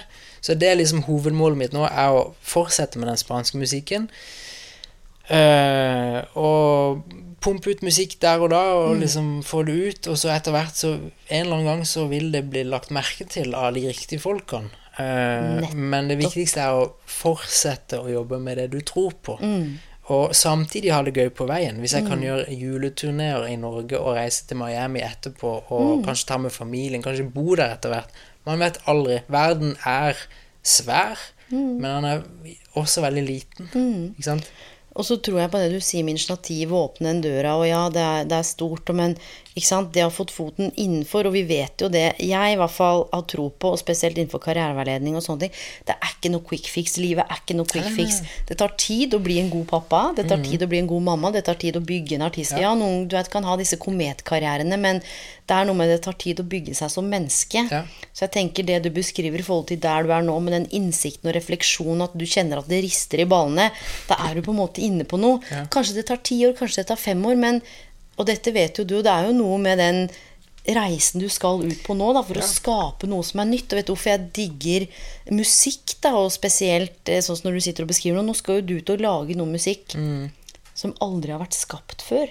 Altså, og der pleier jeg å tenke at eh, du har jo en gave med stemmen din, og det hadde jo vært synd hvis ikke du hadde gitt verden den gaven. Ja, og det er det jeg har innsett, liksom, at det, det er det jeg kan bidra med her i verden. Det er min rolle å bidra med den stemmen jeg har fått, som er en gudgave. Ja, og, og det er jo glede, og det kan være tårer, og det er følelser i bevegelse. Musikk er jo så mye. Og det er jo derfor jeg finner det så fascinerende du, du oppsummerer egentlig litt av det hvis vi skal se på sånn type karrierevalg. De menneskene som på en måte har landa dit som har kommet litt hjem fordi jeg har begynt å kjenne etter. Ja, folk mener innmari mye, og du skal lytte til folk som kan ha gode innspill, men dette er riktig og viktig for deg, da. Det er det viktigste. Det her Hva er det som er ekte for deg, og hva er det som er Nå er jeg jo, jeg er jo latino, eller er jeg har bare ikke innsett det før ganske seint i tid at du Har er du jo moves? Kan du danse? eh, Jeg vil si ja, men eh, det kommer på hvem som ser på. Å, litt Latin moves. Da blir det sånn Vi har jo dansa før det? Jeg, har, noen moves, men de, de kan nok finpusses. Kan Jeg har vurdert å ta salsakurs. Jeg skal gjøre det når jeg kommer hjem. Det, det står på lista. Jeg bare ikke hatt Men du har ikke satt tid til du har rytmen i det. Ja, ja, det har jeg. Det har jeg. Det, det, det, det har jeg. Men jeg har ikke satt tid til å finpusse på det.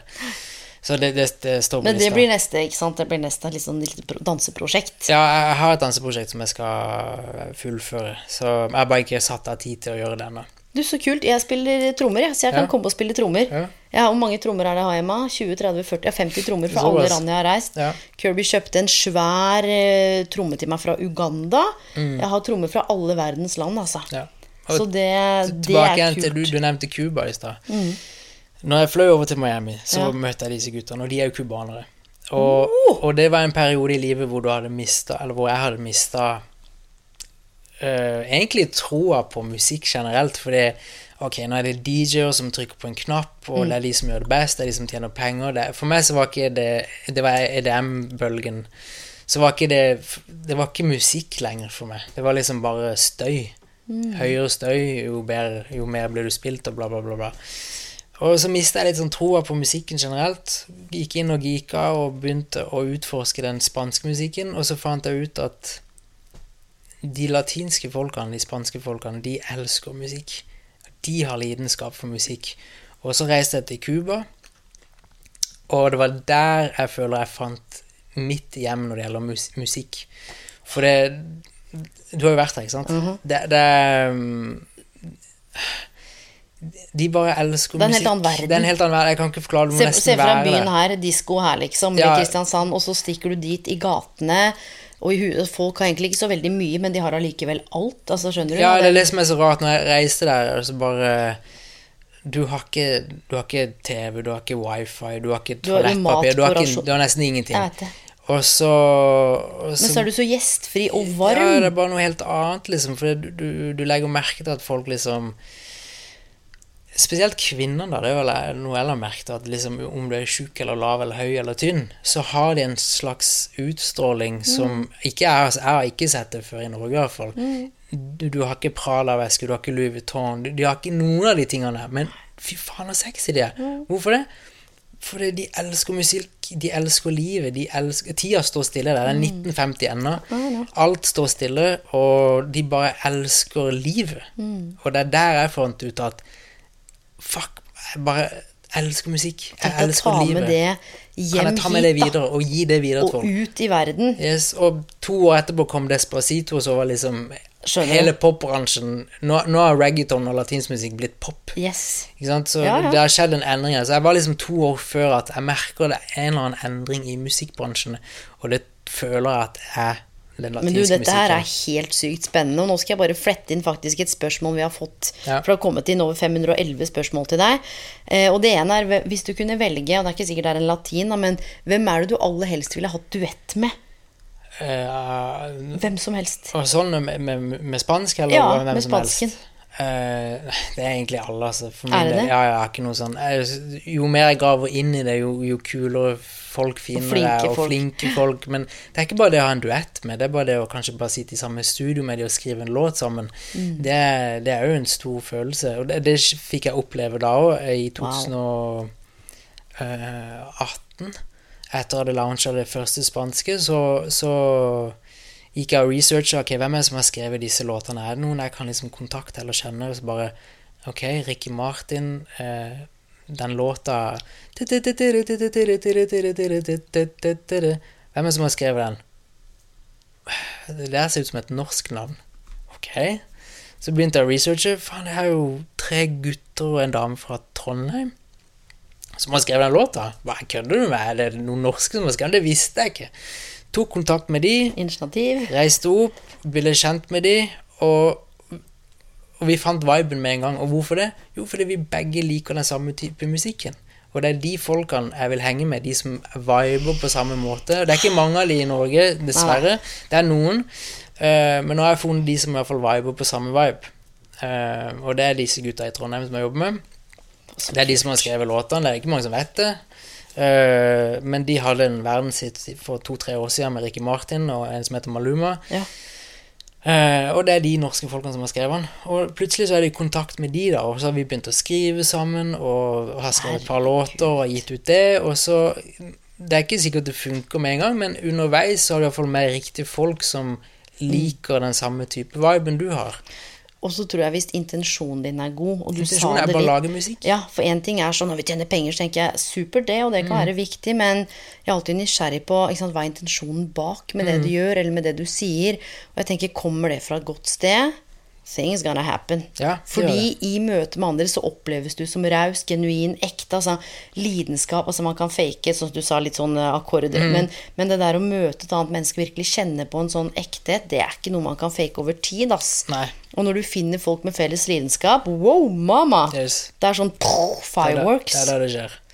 Fy fader, dette her blir spennende å følge. Ja, det er, det er veldig gøy tid, og, og det, det livet er gøy hvis du ser på det på den måten. Mm. sant? Du, da, korona, korona skjer, og alt Ja, skjer, og, okay, men det er fortsatt det er hvordan du ser på det. Hvis du ser på det positivt og lyst, så er det det. Det er ikke noe verre enn det. Men uh, vi har lov til å ha dårlige dager, vi har lov til å være nedfor. Vi har, hvis du er nedfor, så vær nedfor, og så blir du ferdig med det. Er det jeg har lært av ungen min nå, eller det vi prøver å lære han i hvert fall, er at er du lei deg, så skal du få lov til å være lei deg. Det er bare en følelse. Det er akkurat som en bølge som skyller inn mot land, og så går den ut igjen. Men du må lære han at det går over. Du bare la den bølgen skylle, og så kommer du tilbake igjen til der hvor du er. Det er ikke noe verre enn det.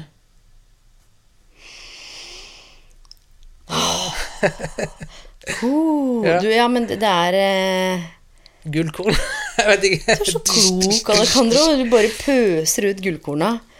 Du, skal vi ta noen spørsmål, Kjør på, eller? kjør Kan på. vi gjøre det? Ja. Jeg tror vi skal bare pause, Kirby. Jeg må bare tisse. Er det greit, eller? Jeg må tisse. Ta pause.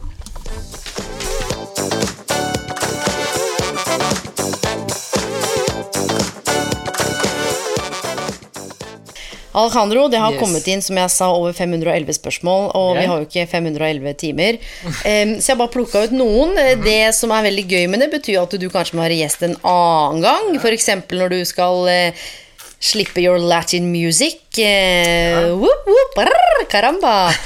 um, men eh, vi har fått noen spørsmål som jeg har plukka ut, og så er det Det første er eh, Du har jo blitt pappa, eller du har blitt pappa to ganger nå. Mhm. Kan du si noe kort om hvordan det har påvirka deg, eller endra deg på noen måte? Eh, det har nok endra meg på veldig mange måter, til det positive. Eh, når vi fikk Max, så husker jeg at eh, jeg tok imot. Vi var på sykehuset, jeg gikk hjem, og så bare begynte jeg å hylgrine. Ja. I tre timer i strekk. Jeg kødder ikke. Det har, aldri skjedd før hvor du bare er så takknemlig for at alt har gått bra. For jeg, jeg tenkte jo det verste. Hva hvis hun dør nå, og, liksom, og jeg sitter alene med en kid, eller begge dør? Du begynner jo å tenke det verste. Du har aldri opplevd det her før i hele ditt liv. Bare, jeg opplevde det en gang før. da. Jeg, jeg var med når min mor fødte, da jeg var syv. Så da var jeg med, for de var skilt og hadde ikke noen andre. Hun måtte ta med kidsa på sykehuset, så da var jeg med og opplevde det òg. Men når du opplever det sjøl med din egen unge og din egen kone, så bare Jeg ble så takknemlig for livet når jeg kom hjem og bare begynte å grine og fikk ut sorg og sinne. Jeg vet ikke hva som skjedde. Jeg, jeg, jeg, tipper, jeg vet ikke om Kirby opplevde. Liksom. Jeg tror kanskje alle fedre har opplevd det, at de bare eh, Det skjer noe med det. Ja, det, er- det, er jo det her vi er ment til å gjøre. Å skape barn og la verden gå videre. Eh, og så, etter vi fikk han, da, så, så har jeg bare innsett at etter fire år nå at det er han som lærer om meg ting. Det er ikke meg som skal lære han en dritt. De ungene som kommer til verden, de er perfekte. De er, lever i nuet. De er sultne på å lære, nysgjerrig. Det er vi som har blitt fucka opp gjennom alle årene av systemet, av folk og ditt og datt. Mens jeg må bare se på den kiden her nå og bare lære så mye jeg kan, for han lever i nuet. Jeg må bare passe på å ikke fucke det opp. Iallfall til han er ti år, ikke har noen traumer som vil vare resten av livet. Så det har endra meg på alle mulige planer. At du tenker annerledes. Du ser på livet annerledes. Du setter pris på livet annerledes. Mm. For det er det det handler om. Altså, for meg Min mening i livet er jobben først. Fordi det er det som gjør at jeg kan bidra til at min familie har det de trenger. Eh, og så er det familie nummer to. Eh, det er nok de viktigste tingene. Så kommer jo helse og kjærlighet og lykke og alle disse tingene her. Men alle spiller i, De henger sammen på en måte her. Men familien er like høyt som jobben, på en måte. For det er jo derfor du gjør, det er derfor du gjør jobben, for at du kan være med familien. Men du må ikke la jobben ta overhånd. At det er kun jobb og karriere. Det er, hvorfor er du og jobber så hardt? Fordi du vil være med familien din. Sant? Men så kommer du på å dra på ferie, og så klarer du ikke å la være å jobbe når du er på ferie med familien din. Da er det noe, da er det noe galt der som du må kikke på. Og det er det jeg har lært nå i etterkant, at eh, bli flinkere på å legge vekk mobilen. Bli, bli flinkere på når det er familie, så er det familie. Når det er jobb, så er det jobb. Og, så det har nok endra meg på alle mulige måter. Og det er jeg kjempetakknemlig for at jeg får lov til å oppleve det. da. Wow. Var det godt nok svar? Ja, ja, du, jeg, ja, definitivt. Og du kjenner igjen tankesettet i det du beskriver også. For sånn sønnen vår, Aiden Kirby, Ja. sitter jo her, han òg. Han har valgt oss, han. Det har Ja, vi tenkt. Det, Det, er ikke, det er ikke yes. vi Ja, vi har produsert den fordi vi har kost oss. Han har valgt oss, og vår jobb er bare å være det rammeverket og den fasilitatoren, Mm. og la hans personlighet og La han få lov til å utfolde seg. Han er ikke noen sånn forlengelse av at å se på sønnen vår, se hva han fikk til, han har blitt sånn og sånn, eller om, om han eh, Skjønner du hva enn han vil innenfor rammene, at ikke det er sånn farlig. Så tenker jeg at eh, he is our little spiritual teacher, ass. Yes, det, det, det Jeg tror at Greit nok, man kan ta det Vi hadde en samtale i går med ham i sted, så jeg så ut og spiste i går. Eh, vi hadde den samme samtalen at eh, de, velger oss som sine caretakers. Nå er vi på et spirituelt Ja, nivå ja, snakker men snakke om det, men det, det har ikke jeg noe imot. Eh, jeg tror de velger oss for en grunn, for at de skal lære noe av oss. Ikke sant? De, og vi skal lære noe av de Mm. igjen. Men de velger oss til å ta vare på dem, Mm. av en eller annen grunn. Og igjen, du kan spørre liksom om det lille barnet i India som vokser opp i fattigdom og, og ikke har det fint. Det er en grunn til at ting skjer. Er ikke, jeg tror ikke alt er tilfeldig. Hun har noe hun skal lære òg. Og du kan se det på kjipt eller positivt, men på et spirituelt nivå så tror jeg at vi velger det livet vi har sjøl, og det er opp til deg å gjøre det bedre. For mm. alle har muligheten til å gjøre det. Vi har de samme uh, vi har den samme tida. Vi har 24 timer alle sammen. Det er hvordan du bruker det sjøl til å fikse ting du har lyst til å fikse opp i. Det er helt likt for alle. Ja, og jeg tror det her er så viktig jo, fordi Og du var jo kort inne på det i stad når du sa foreldrene dine skilte seg. Altså For noen så er jo det traumatisk. Ja, når man er. Det ikke sant? Altså, selv om Ja, vi har jo vunnet gullbilletten, mange av oss som på en måte i hvert fall er oppvokst i Norge. Mm. Men så er det sånn Og, og dette med å snakke på sånn spirituelt plan Jeg hadde faktisk en podkast med Børge Fagerli om spiritualitet og karriere. ja.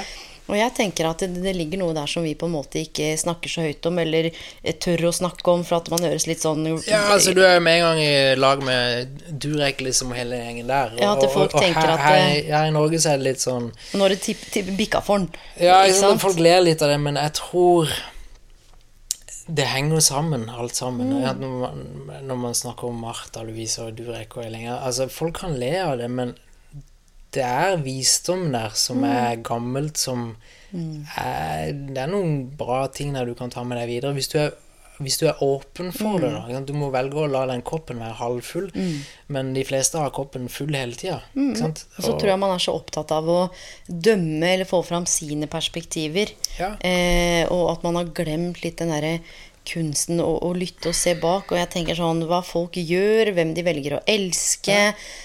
I don't care. Det eneste jeg er opptatt av, er, er intensjonene dine gode. Altså er du et ok, godt menneske, gjør du så godt du kan med det du har. Eh, Som pappa, som musiker, som venn. Hva, hva mer kan du gjøre?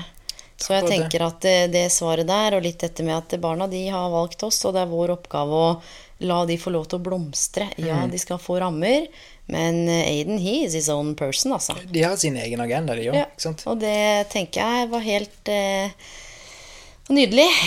Um, neste spørsmål er hva syns du har vært, har vært det mest utfordrende med å jobbe i musikkbransjen? Øh, det mest utfordrende ah, Altså, musikkbransjen er jo cowboybransje, men det er jo alle bransjer egentlig, uansett. Det, det merker du jo eldre du blir, at alle bransjer er cowboy uansett. Det er, det er korrupsjon i alle bransjer. Det er kjøpt og betalt mye.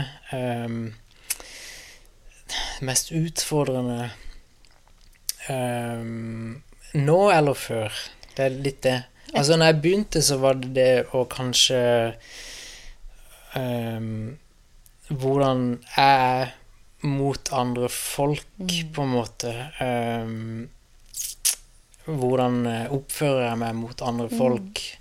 Det er nok det mest utfordrende jeg har hatt. At liksom Var du usikker på hvordan du skulle oppføre deg, eller hvordan andre skulle ta det imot? Eller Ja, du vet det jo om, da? liksom ikke Det er jo ikke virkelig på en måte at alle skal plutselig digge det, alle skal plutselig elske det. Og så, ja, men, men det er noen av de som egentlig liker meg for den jeg egentlig er. Mm. Ikke sant? Det er ikke, Vi snakket om det i stad, og det er der min kone kommer inn i bildet. At hun har alltid vært der for meg i høyt og lavt, og hun elsker meg for den jeg er, og ikke Mm. bare den som er på scenen. Så det å ha gode venner er kanskje det mest utfordrende. Og det er her jeg finner venner som egentlig er i samme bransje, fordi vi føler akkurat samme. Men i hverdagen så er det Jeg har blitt flinkere på å gjennomskue hva, hva er det folk egentlig vil ha ut av deg. Vil de ha noe ut av deg, eller vil de faktisk bli kjent med mm. fordi du er den du egentlig er, og ikke bare fordi du er artisten. Det er nok det mest utfordrende, at du liksom Du blir flinkere på det. Du, du, du merker fortere ok, Jo eldre du blir ja, også, Er det en agenda bak her, eller, er det, eller vil du faktisk bli kjent med for den jeg Mm. Ja, og det tenker jeg spesielt når man er ung, da. En ting Det klarer du nå, ikke nesten å skille ut når du er så ung, tror jeg. Men nå er du jo på et helt annet eh, ståsted, holdt jeg på å si, deg sjøl, og sant, du kjenner deg selv bedre, som du sa, du har jobbet med prosjekt Alejandro. Eh, og så kom man til et eller annet punkt som vi var inne på i stad, at eh, Litt sånn take it or leave it. I, I den grad det er mulig, da. For det er Mm. Ja. klart man er jo avhengig av produsenter og, og kanskje låts... Altså, man er jo avhengig av folk i bransjen også, Ja, ja. så det er en eller annen sånn balanse mellom å øh, holde ut og vise hvem man Altså, det er litt sånn spill av og til òg, føler jeg. Hele livet er et spill. Det Ja. er sånn jeg ser på det nå. Men det er litt slitsomt òg, det derre Og særlig etter vi har fått barn, nå kjenner jeg sånn Jeg tilbringer tid med folk som gir meg energi, som gjør meg glad. Det betyr ikke at hvis det er noen som ikke har det bra, tenker nei, nå er du, klager du. Men veldig selektiv med hvem jeg bruker tid med og på, altså. Det er kjempeviktig. Å, så nydelig. Vi har jo vært innom bl.a. blant annet dette med at du jobber som personlig trener, og, mm. og med musikken. Hvis du ikke skulle gjort noe av det, hva er det du ville ha gjort da? Eh, Da er det nok kanskje Jeg har en våt drøm om å bli skuespiller. Men, Du har det? Ja, men, men Hva slags type? Er det film, eller snakker vi TV-serie? Er du the bad guy, good guy? Jeg vet ikke. Jeg har ikke sprukket den bobla ennå. Liksom ikke, han ligger der. Men eh, Du du må si hvis, det høyt. hvis, hvis, hvis nå, da, om fem år til, jeg har den økonomiske friheten jeg ønsker å ha, og du har tid til å gå inn i det materiet der, Mm. så tror jeg nok jeg har lyst til å dykke litt inn der og bare kanskje ta utdannelse innen det, Mm. og så jobbe deg ut av Norge som en skuespiller. Eller iallfall noe innen underholdning der. For det, det er ikke bare Norge, det er Latin-Amerika. Jeg kan spansk, jeg kan engelsk, jeg kan norsk. Det er ganske mye som du kan bruke det til. Eh, og da har jeg tenkt at ok, det virker bare veldig gøy å være med i en setting hvor uh, La oss si Vikings, da, den, mm. den serien, eller bare leve i en annen verden, en liten del av ditt liv, og bare bli engasjert i den greia der. Det, det, det virker veldig interessant. Jeg er ikke sikker på om jeg gjøre det, for jeg vet ikke om det er det Jeg, jeg, jeg tenker fortsatt på det. Men det virker veldig gøy å liksom kanskje gå inn i den verden en eller annen gang. Mm. Og så er det noe med det tror jeg, psykologiske aspektet av å skulle få lov til å dykke inn i andre karakterer. Det er Litt sånn som du var inne på, du kan få ut aggresjon, glede, frustrasjon, håp. Ja. Du kan formidle noe som kanskje kan bevege flere millioner av mennesker. Det er. Eh, og det tror jeg kan være givende, men også krevende. Kommer Ja, an på selvfølgelig kompleksiteten av rollene. Selvfølgelig. Men, men det Når jeg har eh, vært på scenen og jeg har en dårlig dag, så klarer jeg fortsatt å gjøre jobben. Mm. Og det er der på en måte Jeg tror kanskje jeg har um, evnen til å Mm. sette på den maska, da. Eh, I å være i en annen rolle, da. Selv om du har det kjipt innvendig. Det, det er noe jeg har lært gjennom årene. Jeg har hatt noen spillejobber hvor jeg har vært helt nedfor og ikke noe energi, men du klarer å sette på den maska og gjøre den jobben du skal gjøre.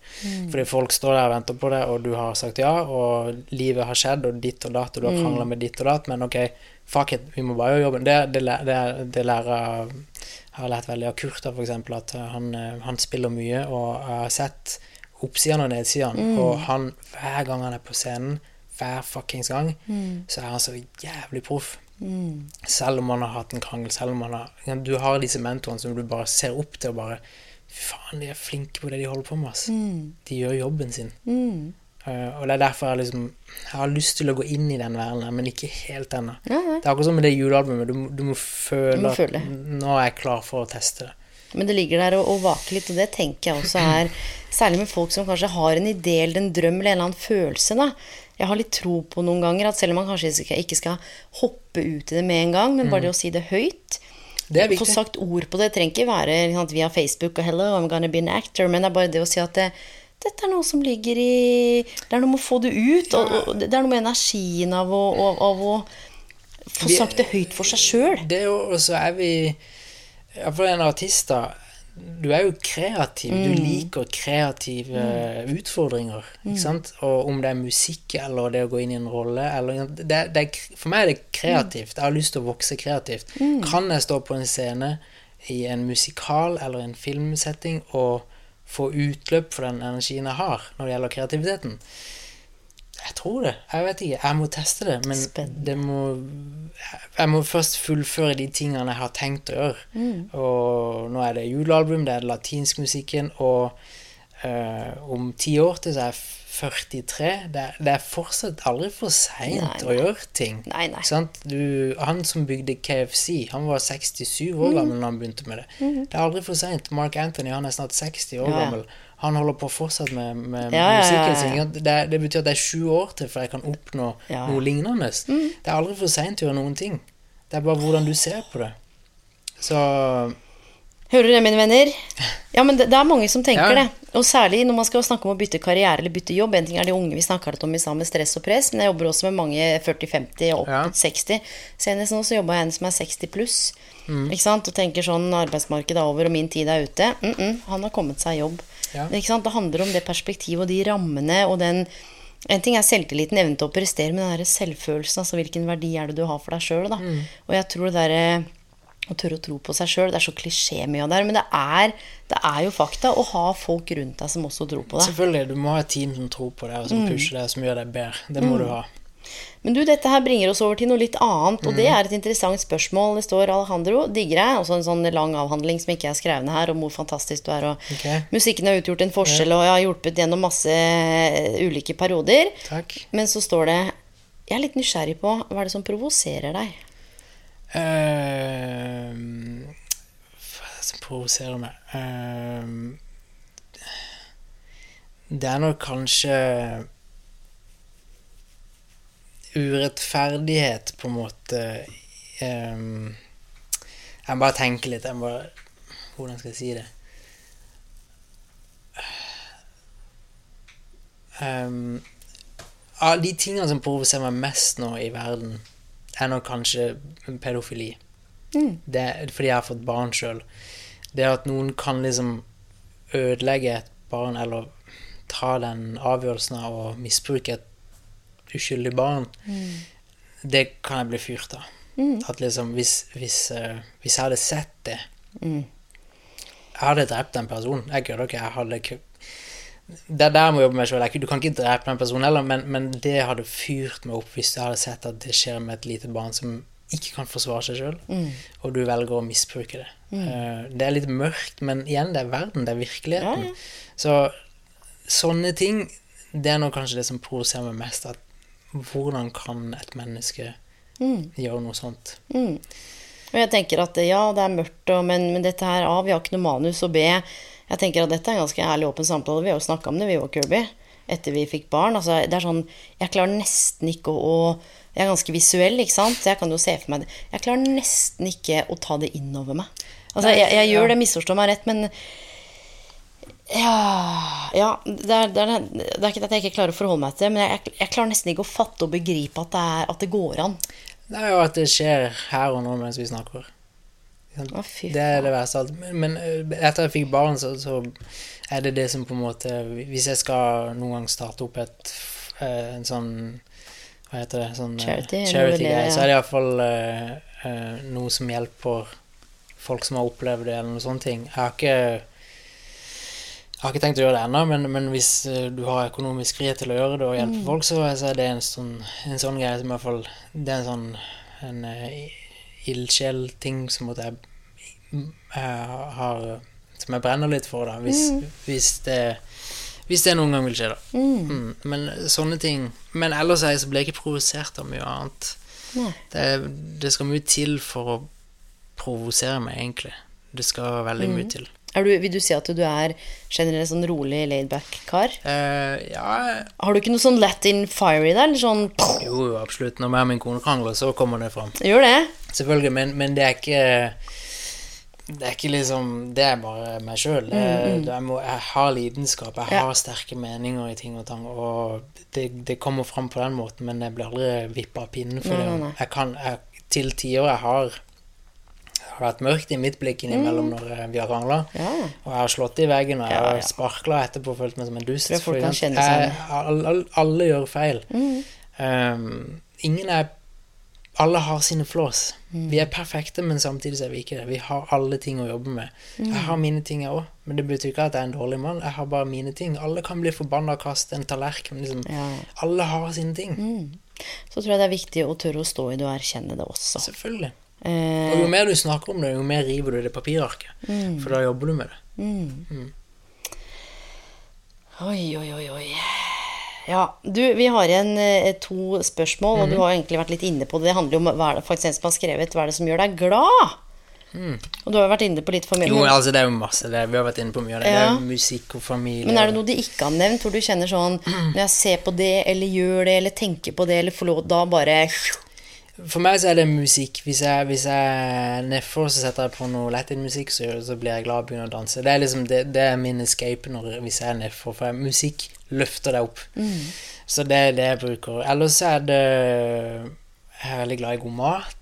Ikke sant? Og Lager du mat også? Ja, lager mat òg. Og det Jeg leste en bok som heter Det er noe med Writers The Artist Way, heter han. Artisten sin vei.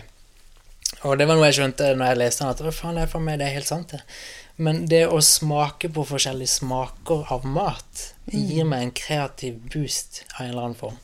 Når jeg spiser en croissant, når jeg spiser en dessert, når jeg, når jeg går til Cuba og spiser mat der, hvis jeg drar til Afghanistan eller whatever og får noe annet enn norsk mat, så pirrer det noe inni meg, for det er en smak jeg ikke har smakt før. Og det gjør noe med kreativiteten. Samme som hvis du spiser det mamma alltid lagde da jeg var liten, som jeg elska. Det gjør noe med det, tror jeg kreativt, at du får nye smaker. Mm. Det er jo litt sånn spirituelt igjen, men jeg leste jo her om dagen at hvis du hvis, Grunnen til at vi, de som liker sterk mat, er fordi de mangler spenning i livet. Og jeg spiser masse sterk mat, fordi det er der jeg får liksom spenning når jeg ikke har det i hverdagen, spesielt nå i år. Jeg har bare, bare spist indisk og thai og liksom bare Og jo sterkere, jo bedre. Jeg trenger det. Jeg er fullt, jeg trenger den der uh, passion. Ja, ja. Så jeg tror litt på de tingene der, da. Men, Ja, men eh, alt, vi snakka jo om det i stad, alt henger jo egentlig sammen med alt. Altså, Ja, ja. Mat, kreativitet, smaker, sanser, rytme, lyd, musikk, livet, altså alt. Livet er jo krydder og ulike flavors, det òg, ikke sant? Mm. Surt, salt, bittert, eh, the whole shebang. Ok, du, vi har ett spørsmål igjen, og her står det jo fritt til å, å velge. Men uh, dette er det spørsmålet som har kommet inn flest ganger. Mm. Og det er, jo, det er jo egentlig ikke noe å le av, for jeg skjønner jo at folk eh, vil det. Og vet du hva? Alle vil at du skal synge. at Du skal synge. Å, her nå? Ja. Oh, ja, ok. Kan du, ta, Ja, ja. Kan du liksom ta en, en trall? Ja, med A cappella? Ja, liksom, ja. jo. Hva Mens vil du hva vil sitter Hva vil du liksom- høre? Å, herregud, hva skal Hva um, Skal jeg velge? Du kan velge. Du, da skal du få backdropen. Jeg visste jo ikke om du ville synge eller ikke. Jo, det, det Eh. I 2007 så, så jobba jeg et sted. Der hadde jeg en venninne, og vi snubla tilfeldigvis over sangen din. Jeg husker ikke helt hvordan eller hvorfor. Men det blei altså The Office-sang. Okay. Så hvis vi på en måte skulle lade opp eller kødde, så var det den som var i bakgrunnen, og hun så at du skulle på Ja. podkasten min. Så sendte hun meg en melding og bare fy faen, nå snakker vi 2007. Ja. Vet du hvem sang det var? Hell If I. Hellify. Ok. Um, Skal, klarer du å sitte og synge, liksom? Sånn ja, ja. Uh, Du velger er selv en, den, ja. en liten Altså- strofe eller bare Hell if I'm gonna cry because you found someone new. I tell you I, I feel a whole lot better if we took some time to shed a tear. Maybe you didn't have to look so Jeg husker ikke teksten. det er lenge siden jeg spilte. Men det holder, det. Et eller annet der. Jeg må, jeg må pugge på den. Den, den låta skrev jeg i 2006, når uh, min ekskjæreste uh, dumpa meg. Ja. Ja. og så fant hun en annen, og så ble jeg jævlig bitter. Og så satt jeg på hotellrommet og bare Fuck hun der! Altså, Ikke sant? Bare sånn. Men du fikk det ut i musikk. Så fikk jeg til musikk om Hell if I'm gonna cry big Jeg bare begynte å Jeg bare fikk det ut gjennom det her, og da var jeg ferdig med det. Det var min måte å takle den følelsen på. Og det ble den låta. Og det er det jeg har lært i etterkant, at når du føler noe sterkt, så må du få utløp for det på en eller annen måte. Og det er den, for min er det den beste måten å få utløp for hvis jeg føler noe, er å skrive noe om det eller synge om det. Det er jo terapi. Men hvordan er det da sånn avslutningsvis når du, dette julealbumet som Ja. Mhm. nå kommer as we speak, people? Det er bare, er det, kan man kjøpe det? Er det liksom, Det- Snakker vi ja. Spotify, kjøpe Spotify, kjøping, ja, alt. Du everywhere? Ja. Har du laget noe, er det noe musikkvideo til, eller? Uh, nei, vi har ikke lagd noe musikkvideo. Det ble litt uh, hassle med musikkvideo. Ja, ja, men man kan jo høre, liksom. Ja, du Det er kan liksom høre det på viktigste. Så, men ikke noe musikkvideo, så vi rakk ikke det pga. alt det som skjer nå. Så det ble litt for mye jobb. Eh, Men ok, så det, og det er jo en perfekte julegave. Det er jo det ene, liksom. Det må man jo si. ja, ja, altså nå er jo alt gratis på Spotify, liksom, Ja. så det er bare å streame det. Ja, men, men fins det noe album? Noe Eh, ikke noe fysisk, nei. Det, det blir, bare fysisk. digitalt. Ja. Ja. Ok. Bare digitalt. Dette her er en new era of music. Det er det, er det jo absolutt. også. Det er jo så ingen, var det jo ingen som, det er svært få som gir ut fysisk eller en EP. Ja, for det var jo greia før. Ja, du Kjøp har julealbum. ja, du har fortsatt folk som lager EP og album, men det koster mer Ja. enn det du får igjen, så det er ikke noe vits sånn Og så er det jo å se på hva, hva, er det folk bruker når de hører på. Det er jo Det er nettopp jo det, du var innom. og- ikke sant? Men du sa dette her, sånn som med Hellify, så, så skrev du på en måte ut av noe du følte. Men så sa du med dette julealbumet, når du da flikka gjennom alle disse julesangene, Mm. eh, valgte du de som på en måte traff deg, eller hvordan er det du på en måte har tenkt når du har gjort det til ditt eget? For du må jo, det må jo være noe med tekst, eller det må jo være noe som treffer, da. Ja, det, det er der jeg har funnet fram de låtene som har truffet meg gjennom de tidene jeg har hørt på julemusikk. Ja. Ehm, jeg har funnet fram noen jeg ikke hadde hørt før, fordi du går gjennom alt, og så bare Oi, shit, den har jeg aldri hørt før i hele mitt liv. Eh, den var fin. Ikke sant? Og Ja. du, hvis du kan gi den samme følelsen til folk når de hører på mitt album, at det det er jo det jeg har gjort. Jeg har gjort Sail Away. Det er en coverlåt. ikke sant? Jeg, har- folk hadde ikke hørt om den før jeg gjorde den. Og det er samme greia at hvis du velger de låtene som du tror du kan gi et nytt liv igjen, så kan det funke. Eh, og det er det jeg prøvde å finne fram de låtene som jeg eh, føler jeg kan gjøre til mine versjoner. Og det er det vi, vi gjorde i fjor, vi, eller egentlig det vi alltid har gjort med gitarkameratene. At vi, vi kan gjøre hvilken som helst låt. Ja. Mm. Men det blir bare en coverlåt av en coverlåt eller en coverlåt av en annen låt. Men hvis vi klarer å finne noe i den låta som gjør det til oss, så er det verdt å gjøre den. Og det er det jeg har lært av den prosessen der, at du må finne de låtene som det gir noe nytt. Det er ikke gjort om og om igjen, og det er liksom ikke bare spilt inn kjapt. Det er, vi har pugga, vi har uh, gått gjennom alle låtene, vi har, funnet, vi har gjort forskjellige versjoner. Hva er det som funker, hva er det som ikke funker? Føler du det da på en måte når det sitter? Er det sånn at når du hører det, så kjenner du det? Ja, du føler når det sitter. Uh, det er det som er gøy med å, å lage musikk. Når vi lagde denne plata, så hadde vi en uke med preprod hvor vi gikk gjennom alle låtene, gjorde forskjellige versjoner og bare følte oss fram. Musikk handler jo bare om følelse. Når alle bare Yeah. Der har vi den. Det er den versjonen vi går for.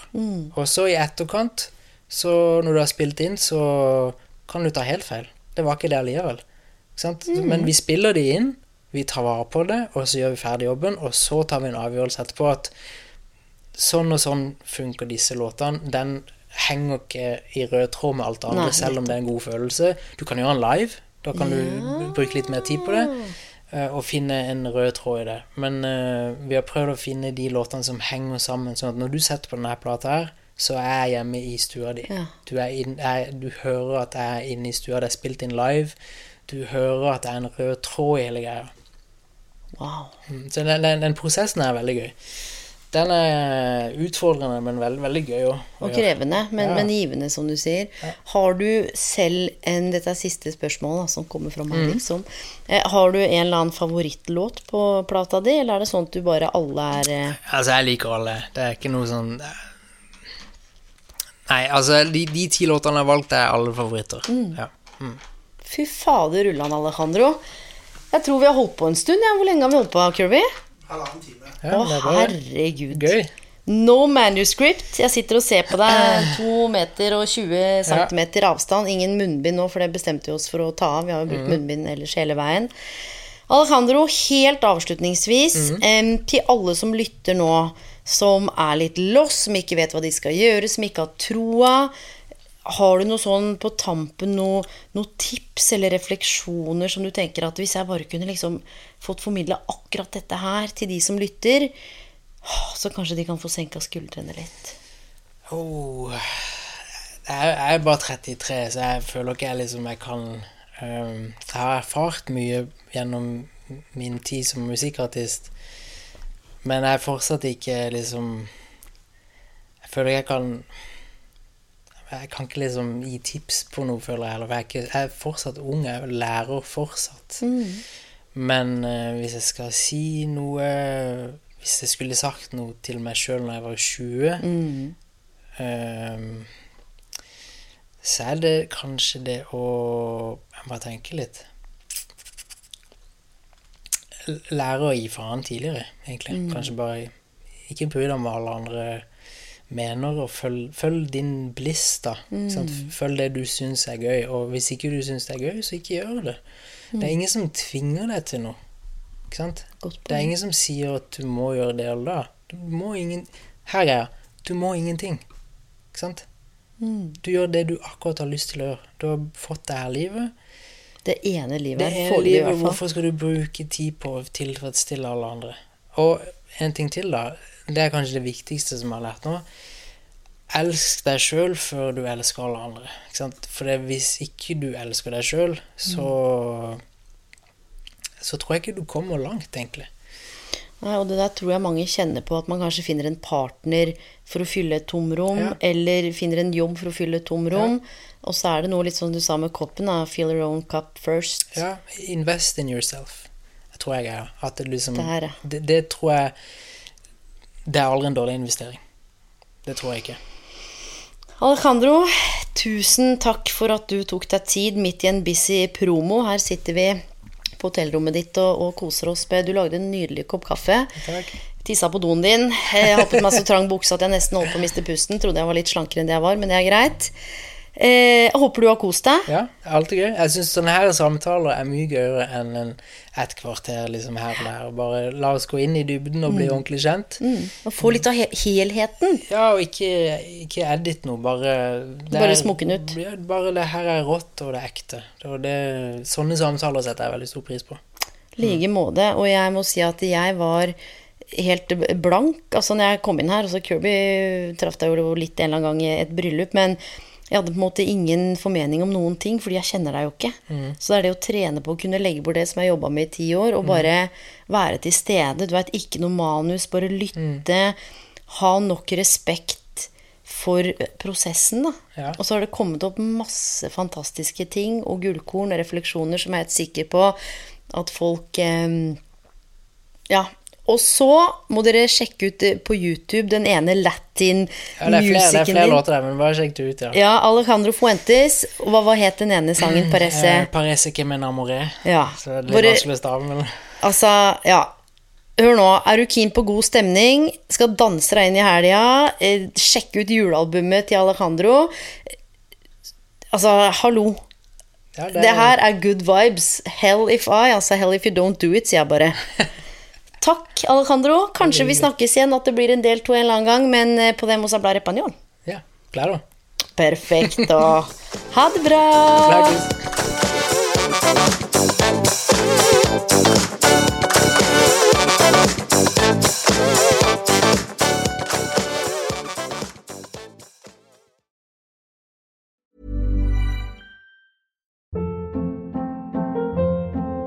Hold up. What was that? Boring. No flavor. That was as bad as those leftovers you ate all week. Kiki Palmer here, and it's time to say hello to something fresh and guilt-free. Hello Fresh. Jazz up dinner with pecan-crusted chicken or garlic butter shrimp scampi. Now that's music to my mouth. Hello Fresh. Let's get this dinner party started. Discover all the delicious possibilities at hellofresh.com.